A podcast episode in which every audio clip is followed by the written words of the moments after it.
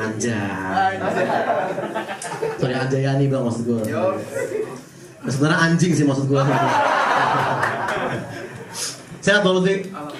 Sebenarnya uh, Lutfi ini lebih muda dari gue umurnya.